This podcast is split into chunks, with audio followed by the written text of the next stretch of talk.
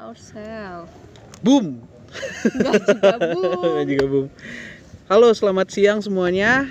Selamat datang di podcast Ceritain. Ya, selamat siang semuanya. Salam Halo. kenal dari kita berdua. Ada siapa di sini? Ada Afif Karisma dan Ada Dwi di sini. Dwi anaknya siapa? Anak bapak mama ibu. Oke. Gacus. Gimana, Wi? Jadi ini apa sih Pip? Sebenarnya kita lagi ngapain sih? Nah, kita di sini lagi mengisi untuk konten pertama dari Ceritain sendiri. Oh, episode pertama ya. Episode pertama podcast Ceritain. Oke, sebelum kita masuk ke podcast pertama, boleh nggak sih kasih tahu dulu nih ceritain tuh sebenarnya apa sih? Jadi Ceritain itu adalah platform, Wi. Mm-mm. Platform itu apa? Saya juga bingung. Waduh. Flat itu kan eh, Datar ya? Datar ya. Form bentuk Jadi bentuk bentuk data. datar ya. Jadi cerita adalah platform yang dibuat untuk sebagai tempat kita bercerita, tempat kita sharing tentang hal-hal sehari-hari, hal-hal di sekitar kita, baik itu senang, sedih maupun gembira. iya, boleh dari eh, segala segi eh, kehidupan ya, Viv ya. Iya, Mulai dari segala dari lini. percintaan boleh, finansial boleh, Kekeluargaan boleh, kekeluargaan boleh, Hukum boleh, boleh, boleh, keuangan. keuangan boleh, perikanan, perikanan boleh, Boleh. sih. Mungkin se- ikan-ikan di sana punya masalah gitu kan. iya mungkin, Mungkin mereka ikan-ikan kalian juga punya masalah, kita Iya. bisa bantu mungkin ya. Kita bisa dengerin. Iya. karena bercerita, kalian bercerita, kita mendengar. Cie. Iya. Sebenarnya orang-orang itu dia tuh tidak solusi itu sebenarnya datang terakhir ya Pip ya. Iya, solusi Jalan itu datang pertama terakhir. untuk menyelesaikan masalah itu adalah cerita ya kayaknya. cerita bener nah makanya ceritain tuh lahir dari keresahan kita karena Hmm. semakin ke sini tuh semakin susah buat kita untuk bercerita. bercerita Iya. padahal kan kita semua ini hidup ya orang hidup tentu pasti punya cerita yang masing-masing gitu Mm-mm. nah kita mencoba untuk hadir sebagai orang yang bersedia untuk mendengar kisah-kisah kita apa pun semua. itu ceritanya. apa pun ceritanya Iya, kadang orang tuh punya masalah. Kita nggak nggak tahu ya. Orang Hmm. kadang dia bersikap seperti ini, pasti dia punya alasan ya kenapa dia bersikap seperti ini. Nah, Contoh nih ada orang di luar sana yang di kelihatannya dia tuh happy happy aja ya Pip ya di luar senyum Iya, sana nah. sini ngebagian orang sana sini tapi kita nggak tahu sebenarnya ada mungkin Ah. faktor yang buat dia kenapa dia bisa bisa sebahagia itu di luar sana sedangkan mungkin ada orang yang di luar sana kelihatannya biasa-biasa Saja. aja tidak banyak cerita tapi inside-nya dia baik-baik aja Nah, gitu bener bener bener sekarang tuh banyak orang yang terlihat ramai di permukaan tapi hening di dalam dalam kesendirian Aduh. ya. Nah ini juga Wi, yang bakal kita bahas di episode pertama kita. Oh oke oke Tentang- tentang apa itu kalau boleh tahu Yang ramai juga bisa hening. Asik. Hmm, berarti gini ya yang ramai juga bisa hening Nah, yang hening juga bisa ramai. gini aja deh kita kesimpulin ya Iya. apa ya enak kayak bahasanya ya oh gini aja Sepi dalam keramaian. sepi dalam keramaian Oke. boleh sepi dalam keramaian Iya. Karena ini ya Wi, ya, menurut penelitian, asik nih. Ini ada datanya nih Wi. ya. artikel nggak sih Artikel nih, dari iya, Vice dari ID. Vice, iya Tapi ini sebenarnya relate ya artikel ini dengan kehidupan yang kehidupan sekarang kita ya. sekarang. Mm. Jadi ada artikel yang menyebutkan bahwa 25% dari millennials usia 18 sampai 25 tahun itu tidak memiliki teman ketika ditanya. sedih sedih pernah gak sih teman-teman tuh di usia-usia kayak di atas 20 tahun lah 21 23 Hmm. ya udah mulai merasakan pilih-pilih teman mungkin Mungkin juga pilih-pilih teman. pilih teman dan eh, teman-temannya pada hilang. Iya, teman-temannya pada hilang karena misalnya, semakin sibuk mm, ya. semakin sibuk. Nah, kayak itu di- dimulai dari skripsian ya Pip ya. Dimulai dari itu deh kayaknya. Kayak semester 7 semester Ah. 8 gitu kan udah mulai biasanya kuliah ke Ah. kelas ada teman teman-teman bareng makan bareng gosip bareng ngerjain tugas bareng. Tiba-tiba nih Pip cuman skripsi eh malah sendirian apa-apa sendiri Sendirian. apa-apa sendiri ini sepertinya nih kisah sehari-harimu ya. Dia lagi bercerita Iya. tentang dirinya di jujur sini. aja ya jujur, Jujur aja. Oh, ya, kamu Iya. ngerasain kayak gitu? udah sih sudah melalui ya bukan sudah ya masih Iya. lah masih Oh, melalui kamu udah wisuda. udah udah wisuda Ada sarjana. Jadi kamu udah merasakan sarjana, itu. sudah merasakan kemarin sih Hmm. waktu awal-awal masuk semester 7 udah Hmm. mulai habis mata kuliah tinggal skripsi teman-teman juga udah mulai skripsi Hmm. ya dosen pembimbing kan beda-beda ya Nah, Emang gimana sih kamu merasakan kan kamu tadi bilang ya teman-teman tuh udah mulai hilang. Emang kalau dulu kayak gimana sih kehidupan? Mungkin kamu bisa ceritain nih Hmm. dari yang ramai sampai akhirnya katanya sepi, gitu sekarang.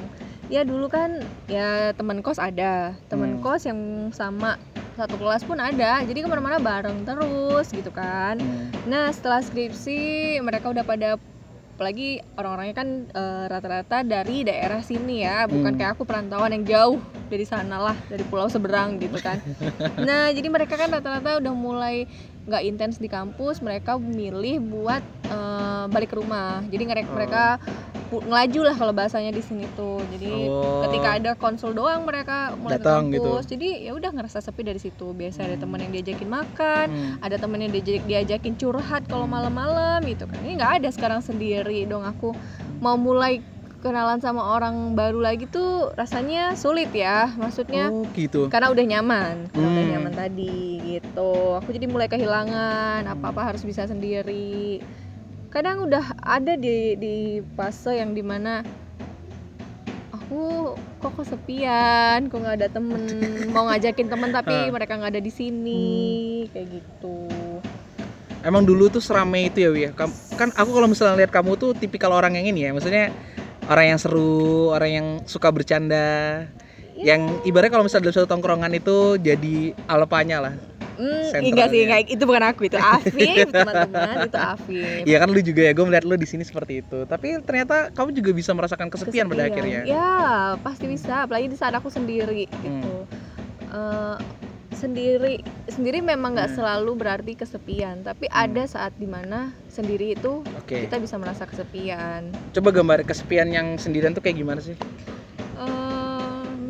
Mungkin kita tuh eh, aku ya mungkin Hmm. aku tipikal orang yang cerita itu nggak nggak untuk hal-hal yang penting melulu gitu loh. Kadang Hmm. hal-hal pen- hal-hal nggak nggak penting di keseharian aku mesti aku ceritain gitu kan. Ada teman buat aku cerita. Hmm. jadi ketika it- dia udah nggak di sini lagi ya aku ngerasa ke mana aku harus cerita ini? gitu. Ke mana aku harus melampiaskan semua ini kebiasaan kebiasaanku sebelumnya kayak gitu jadi aku kayak Hmm. itu semua kan jadinya pendam di, dipendam di dalam nggak keluarkan Oh. jadi aku semakin hmm aku ke mana yang mau cerita ya even cerita ke curhat di tulis-tulis doang gitu kan itu beda ya rasanya Ah. sama cerita sama orang langsung iya. kita berinteraksi dapat saran gitu Hmm. Jadi poin ini ya interaksi secara langsung yang pada akhirnya mulai berkurang ya. mulai berkurang Iya iya. Kalau Apip sendiri gimana Pip pernah nggak sih Pip kayak gitu Oh merasakan itu. merasakan itu Gila kalau misalnya gue secara pribadi akhirnya di tahun ini ya kalau gue boleh jujur ya di tahun kemarin 2019 tuh akhirnya gue merasakan itu Wi. Makanya gue tadi bilang ya yang hening yang ramai itu juga bisa sepi gitu. Eh gue mau cerita ya gue tuh orangnya ekstrovert banget. Mhm. Iya, iya. Maksudnya gue orang pada tahu orang udah tahu lah maksudnya gue tuh gak gampang misalnya tem- temenan sama orang Ah, dulu ya maksudnya iya. kayak buka temenan ini temenan itu dari SMA lah pokoknya gitu rame gitu temenan gue tuh pasti banyak gitu masuk kuliah juga apalagi pas ketika di BEM di organisasi di mana pun itu gampang gitu sering jadi misalnya ibaratnya apa ya gue kalau misalnya dalam tongkrongan itu ya yang tukang nge- ngelawaknya Ngelawak, ya. tukang nyanyi, ramein lah ya ngeramein lah pokoknya kayak gitu Hmm. Nah cuman ini ya Wi, ketika kuliah ini gue ngerasa makin sini tuh makin berkurang. Berkurangnya tuh mungkin gar- temenan yang berkurang tuh gara-gara satu orang mereka misalnya udah pada lulus duluan, kerja duluan, Iya. sibuk sana sibuk sini. sini. Nah punya kehidupan iya sendiri mereka tuh punya banyak kehidupan sendiri. Nah sampai puncaknya itu kalau misalnya gue pribadi itu tahun kemarin. Jadi gue mencerita nih gue tuh dulu dari kuliah itu kan ini ya dari maba 2015 nih Mhm. gue maba itu sampai 2018 18 itu gue di BEM terus ceritanya ini ibaratnya tempat hidup gue lah tongkrongan gue Iya. paling sering ke sana temenan gue juga di sana nah pas du- 2018 selesai demisioner itu itu gue kayak orang ini coy kayak orang kerja terus pensiun sumpah itu gue pernah ngerasain arah nggak sih? iya bener-bener kehilangan arah kayak aduh gue nggak tahu ya kalau kampus tuh biasanya ke mana karena emang setiap hari dari selama tiga tahun, itu Tahun kerjaan itu gue di sana Iya. di markas itu ya markas tuh kalau ke kampus ke gelanggang dulu Mhm. Eh, gelanggang itu ini teman-teman ibaratnya tuh kayak sekre sekretariatnya UKM UKM lah. Kalau di UGM itu namanya gelanggang. Nah ke gelanggang. Terus eh, kuliah, habis kuliah, kuliah paling sejam dua jam doang kan. Baliknya ke gelanggang lagi, main sama teman-teman. Kayak gitu terus setiap hari. Sampai akhirnya tuh hilang secara tiba-tiba. Nah, gue tuh tipikal orang ini ya, yang mungkin sama kayak lu ya, Wi, kadang suka cerita hal remeh kepada orang-orang yang gue percaya gitu, trust. Mungkin nggak terlalu banyak kayak, tapi bisa berteman dengan banyak orang. Iya. Nah, ketika orang-orang yang gue trust atau percaya ini perlahan-lahan sibuk, ada yang udah lulus duluan Iya. ada yang akhirnya kita misah karena beda visi Iya. terus ada juga yang ya pokoknya melanjutkan kehidupan masing-masing itu gue bingung gitu padahal tuh ya kalau dipikir kita kenalan pasti banyak gak sih? Lu pasti punya banyak kenalan. Banyak banyak, kenalan. banget kan kenalan. Banyak kenalan. kayak orang pasti nggak tahu nih kayak gak nyangka ini terjadi dan itu benar-benar terjadi gue gitu loh. Kayak kenalan gue banyak cuman gue nggak tahu harus ngajak siapa. Mhm. sebulan dua bulan pertama itu gue ingat banget deh, setahun yang lalu Januari itu sampai bulan Maret dah pokoknya itu. Itu gue ke kampus ke kampus datang kuliah sejam dua jam doang. Terus habis itu bingung ke mana. Akhirnya pulang ke kosan. Di kosan tidur doang YouTube nggak jelas gitu. Kayak gue nggak tahu harus ngapain gitu loh. Bener-bener sekosong itu. Nah ketika misalnya main nih sama ya oke lah teman-teman di fakultas gue masih ada sih emang. Tapi emang tidak mungkin tidak sedekat seintens teman-teman di organisasi atau teman-teman gue yang udah pada lulus gitu. Itu beda rasanya di situ gue bisa ketawa-tawa hahaha eh gini gini gini tapi pas pulang tuh kosong. Nah itu gue sempat mikir tuh kayak apa ya ini bedanya gabut sama sepi itu kayak gimana? sih? Bener-bener tersiksa gitu loh. Kayak ini nggak kita nggak tahu mau Nggak ketemu siapa. nyaman ya? nggak nyaman. Semacam jadi tuh rame tapi tidak berkualitas. Nah kalau kalau bilang kayak Iya, gitu. betul. rame tapi nggak berkualitas. Nah sampai akhirnya itu berlanjut-lanjut gitu. Nah itu gue nggak sampai gi- apa ya kayak gue akhirnya ngela- mencoba tapi di titik itu di titik kesepian itu sampai kepada puncaknya mungkin sekitar tiga bulan gue ngerasain itu akhirnya ini kan kita nggak ini ya hidup tuh harus dinamis ya pada akhirnya ya. Heeh. nah ketika gue bener-bener sepi nggak tahu gimana nah itu akhirnya gue coba untuk membuka ini ya maksudnya kayak istilah lembaran baru page baru gitu. Iya. nah gue harus sadar juga kadang begini teman-teman nih mungkin kalau misalnya kalian ada di posisi yang mungkin sama kayak gue gitu ya pada akhirnya memang kita harus mengikhlaskan itu semua gitu loh. Mungkin kita yang ngerasain kehilangan teman-teman kita tapi juga gue yakin teman-teman kita juga ngerasain kehilangan kita juga pada saat yang sama gitu. Tapi tinggal lu milih gitu. Milih untuk maju terus atau ya udah ngeratapin doang. Iya, betul. kalau ngeratapin ya nggak akan ada hasilnya. Nah akhirnya gue tuh tuh Wi, mutusin buat nah kan gue belum KKN ini ada cerita juga nih. Hmm, jadi gue tuh KKN telat. Yap. harusnya gue KKN 2018 cuman gara-gara ngebem gue jadi 2019 sama adik-adik bocah-bocah astagfirullah. Ada hikmahnya. ada lah hikmahnya. Nah waktu itu akhirnya gue daftar KKN gue daftar KKN yang jauh pokoknya. Yang Gimana? yang tidak ada orang gue kenal sebelumnya. Ya. Mhm. gue daftar KKN di Bali. Nah jadi kalau gue boleh jujur di situlah titik balik gue akhirnya gue ketemu orang-orang baru di sana. Tapi gue bener tuh gue sempat ngerasain namanya kayak shock gitu loh. Shock apa ya? Kayak bukan gegar sosial lah istilahnya. Kayak ketemu orang baru nih. Tapi gue cuma bisa diem doang di sana beneran. Kayak udah lama nggak ngumpul sama orang baru, Baru. iya pas ngumpul pertama KKN tuh diem. Nah habis dari sana terus kan ini ya gue biasanya dulu itu punya sahabat deket banget itu gue pasti cerita ke dia Mhm. kalau gue ada hal baru nah ini sedihnya tuh di sini Dia setelah pertemuan itu Uh-huh. gue keluar gue inget eh gue mau cerita nih gue tadi baru ketemu anak-anak baru di KKN eh terus gue baru ingat ternyata temen. Gue udah nggak temenan lagi sama orang ini. Kok nggak ketemenan sih gimana? Iya kita ada konflik lah ibaratnya kayak gitu. Terus teman-teman gue juga pada jauh. Mhm. ada yang udah di luar kota dan lain sebagainya. Terus gue bingung tuh sampai beneran gue keliling Jogja muter-muter nggak Nyari, jelas. iya cerita ke siapa ya? Iya gitu. kayak bisa motoran gak jelas gitu karena nggak tahu. Nah cuman akhirnya lambat laun gue mulai akrab sama teman-teman KKN gue nah dan gue paling ingat banget kenapa menurut gue teman-teman KKN ini berharga karena ada satu kejadian di mana di justru ini ya gue ingat banget dulu tuh pas di KKN kan kita di Bali ya Yep. waktu itu kita main ke Denpasar Mhm. nah gue nih punya teman bertiga namanya Aji Bap sama Bapi jadi tempat KKN gue ini di desa Payangan wi Mhm. Denpasar Payangan tuh jaraknya sejam sejam lebih lah kayak gitu Iya. Nah ada suatu hari itu waktu pas kita lagi turun semua kita bertiga nih misah karena kita kan bingung nih mau ngapain di Denpasar beli alat proker juga enggak makan juga nggak tahu karena orang luar kan Mhm. terus tiba-tiba tuh ada teman kita ketinggalan di pondokan di Payangan kita ada di Satu. entah gimana tiba-tiba terus kayak kita bilang "Ya udahlah kita balik yuk jemput teman kita ini. Terus balik beneran kita. Jadi dari udah dari Payangan nyampe, sejam iya. sejam lebih Belum balik lagi ke atas. belum ya. ngapain balik ke atas. Cuma jemput. jemput teman kita doang. Tapi di situ gue akhirnya bisa ngerasain rasanya ketawa lepas setelah beberapa bulan pertama kali. Kan lucu banget itu di jalan. Adalah banyak ceritanya di sana. Makanya KKN tuh berkesan banget dari gue nah habis itu Titik balik titik ya. balik. Waktu titik balik kehidupan gue ibaratnya kayak ya akhirnya gue ketemu orang baru gue ketemu teman-teman baru terus sekarang kayak ibaratnya ada rumah baru. Tapi dari situ gue akhirnya juga belajar wi. Kayak konklusi setahun hidup gue itu adalah ya ketika kita mendiamkan sesuatu masalah yang kayak ibarat sepi dan lain sebagainya itu itu juga nggak baik ini secara secara sosial kita nggak baik satu secara kesehatan juga nggak. Ya. Gue tuh pernah dulu apa ya kayak sering sakit kepala gitu loh. Iya. Iya. Apa gue stres kayak gitu iya. iya, iya, overthinking nah ya. overthinking kayak gitu. Itu hilangnya gara-gara renang. Jadi kalau misalnya gue pusing dikit tuh gue renang pasti. Mhm. nah renang kan ngasilin dopamin ya. Nah berarti kayaknya tuh ada hubungan. Kalau nggak renang lari. Hal-hal kayak gitu harus dilampiaskan sebenarnya Nah, harus dilampiaskan. Tapi tetap pada akhirnya gue sadar setelah sampai setahun, akhirnya kemarin di sebelum tahun 2020 tuh gue akhirnya mereview lagi setahun gue kemarin itu. Satu bahwa ya kita sebagai manusia itu emang butuh manusia orang lain pada akhirnya gitu loh. Nggak bisa enggak men, itu Mhm. kebutuhan. Yep. Meskipun kita jangan apa ya, jangan ber- mengharapkan pada orang lain atau bergantungkan Bergantung, kebahagiaan kita pada enggak, orang lain. Enggak, tapi yang butuh untuk berhubungan.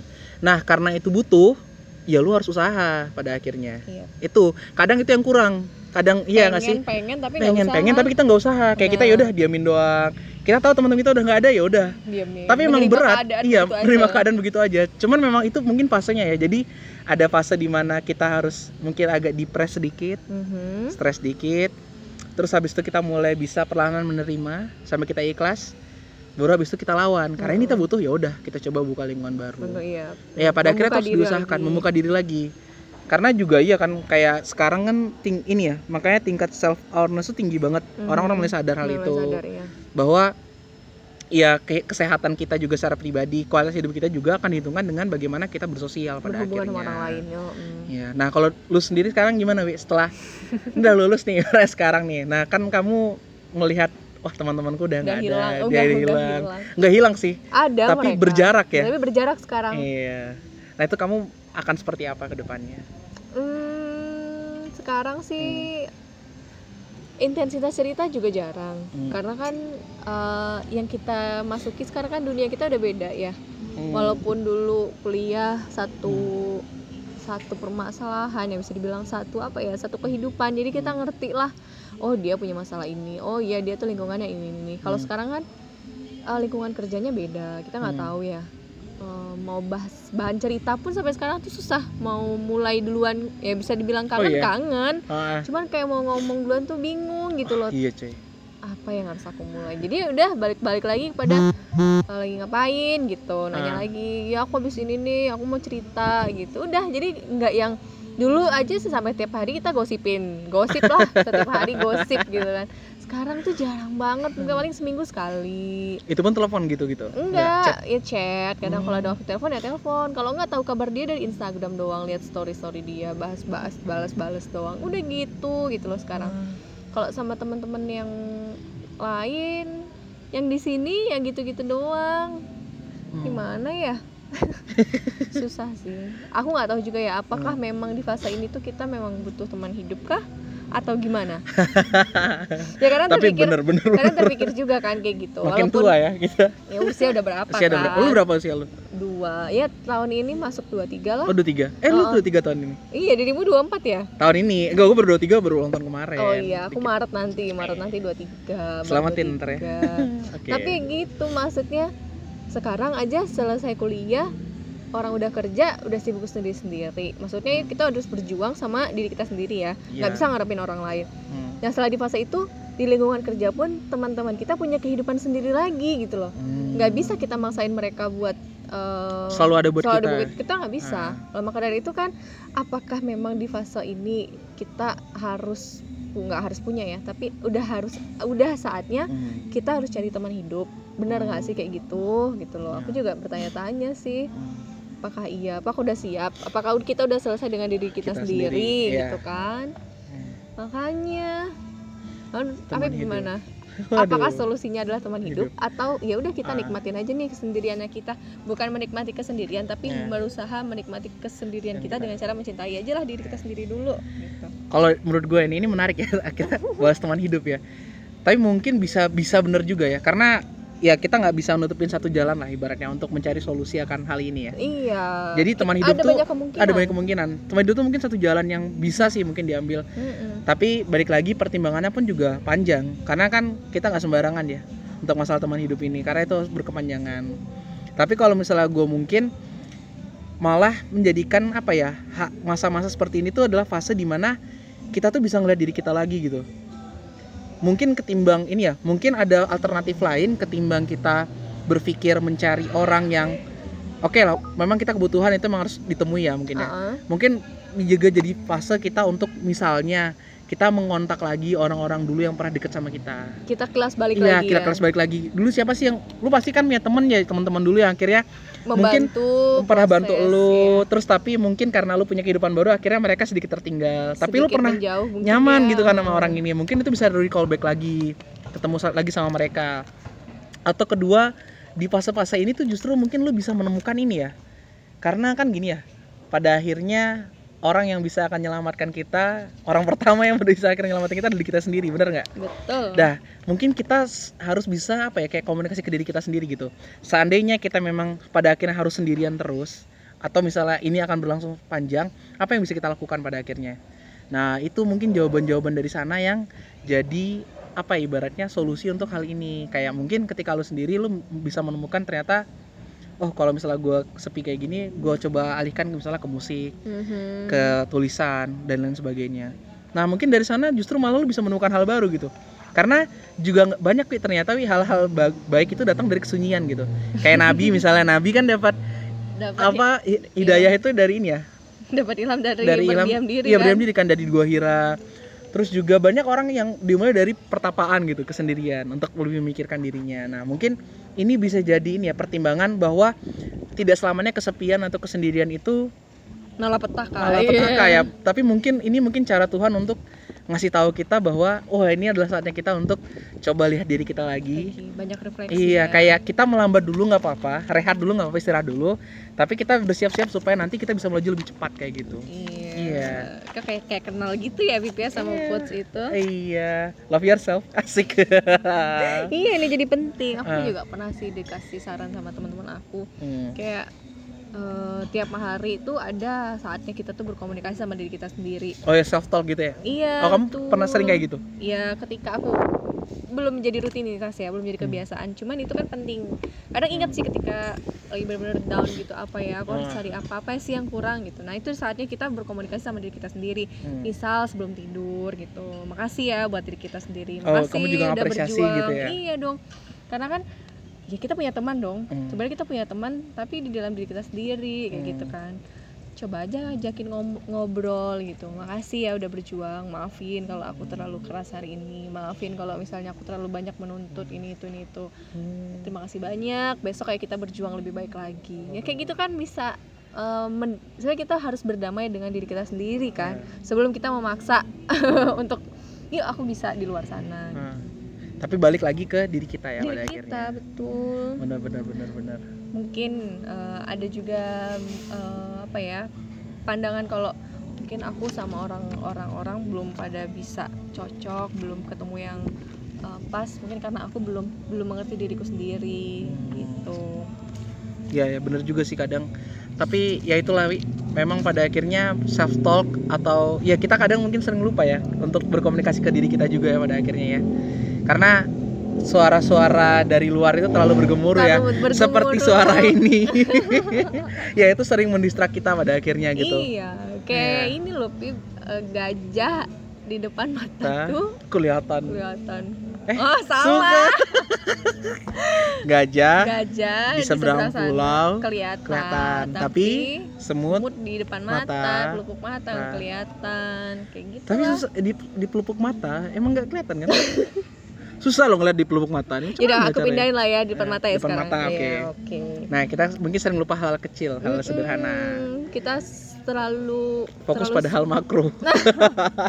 Kita terlalu fokus pada kebanyakan Kan, orang iya. gitu ya jadi mungkin dengan kita pada akhirnya sadar oh iya ya kita harus mulai dari diri kita sendiri. Mm-mm. dan itu tadi ya mungkin apa yang bisa mungkin aku tangkap juga adalah ini gak sih kita juga sadar, sadar walaupun kita bilang enggak tapi sadar nggak sadar tuh kita tuh ada ada ketergantungan dengan orang lain gitu gak sih? Mm-mm. kayak jadinya bukan berhubungan tapi bergantung pada akhirnya.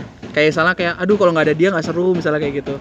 Ada. Nah atau misalnya kayak aduh nggak ada ini jadi nggak bisa ini kayak gitu.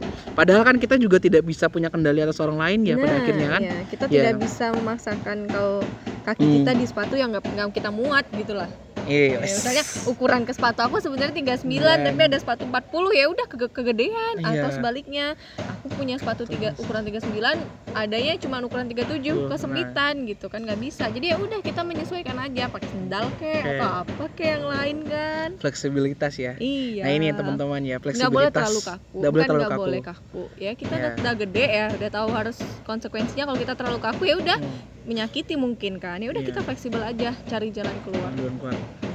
Ya bener bener bener bener.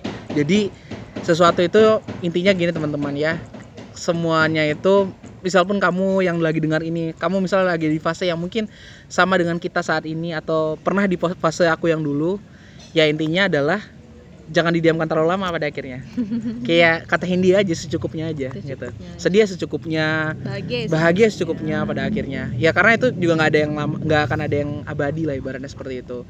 Nah intinya adalah kalau misalnya kamu udah mulai merasakan itu, ya ikhlas dulu sih poinnya menurutku ya. Menerima itu semua. Oke, sekarang aku di sini.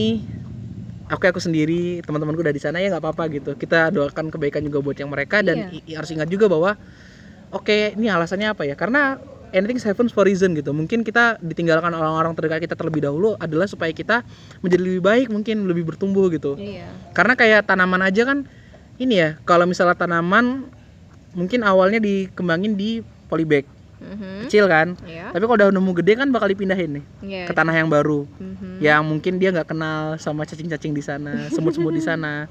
Tapi di tanah yang baru ini malah dia bisa tumbuh jadi lebih gede. Nah, Mhm. mungkin itu poinnya. Asik. Asik. Oke, berarti sendiri itu sebenarnya nggak masalah Ya, ya. nggak apa-apa untuk sendiri. Kesepian itu nggak apa-apa, sebentar nggak apa-apa. aja. Sebentar aja. Habis itu refleksi, Si, kita mekilas balik lagi. Terus balik lagi. Ya Udah kita mengikhlaskan, menerima, Ya, kita cari jalan keluar. cari jalan keluar Iya. dengan alternatif-alternatif tadi. Iya. Tapi jangan lupa juga bahwa itu tadi ya karena berhubungan itu adalah ke- kebutuhan pada akhirnya ya. Mhm. Nah, itu jangan lupa untuk diusahakan. Bukan menggantungkan tapi, tapi menggantungkan tapi berhubungan Iya. yang tadi ya. Karena kita makhluk sosial, men. Oke. Jadi harus diusahakan. Misalnya kamu punya teman nih, teman deket. Kamu misalnya tinggalnya di Jakarta, punya teman di Depok. Teman deket kamu nih. Nah, kamu ya usahakan lah untuk main ke Depok seminggu sekali. Atau kayak kita di Jogja misalnya, punya teman di di, Jogja, dia di iya. Solo gitu. Ya, datang. usahakan lah main ke Solo kayak gitu datang untuk ngobrol. Mhm. Nah seperti itu. Jadi tetap butuh diusahakan teman-teman. Nggak selam, nggak semuanya harus datang tiba-tiba, tapi juga mungkin ada ikhtiar dari kita gitu Nah, itu dia. untuk merubah itu semuanya. Tuh. Oke. Tetap semangat ya, teman-teman Iya. ya. Semangat semuanya. Keren sekali ya Dwi ternyata. Jangan lupa mencintai diri sendiri ya. Iya. Dan don't forget to love yourself. Iya. ya. Dan jangan Kalau- lupa untuk membiarkan orang lain. Iya, tetap Karena yang terutama. seimbang ya harus seimbang. Betul. Iya. Gimana? Eh, mungkin udah kali ya. Iya udah kali ya untuk episode pertama kali iya, ini. mungkin ada saran buat episode kedua kita sangat eh, kita sangat mem- menanti. ya menanti saran teman-teman semuanya. Kalau teman-teman juga mau cerita tuh boleh banget. Iya. Nanti bisa langsung ke Instagram kita di cerita dot in underscore. Nah, pokoknya teman-teman semuanya di luar sana selamat berbahagia apa pun kondisinya. Yang penting hari ini kita masih bisa bernafas, artinya masih ada yang harus kita perjuangkan. Thanks sudah mendengar. Saya Afif Karisma Saya Dwi, sampai ketemu lagi. diceritain minggu depan. Bye bye. Bye bye.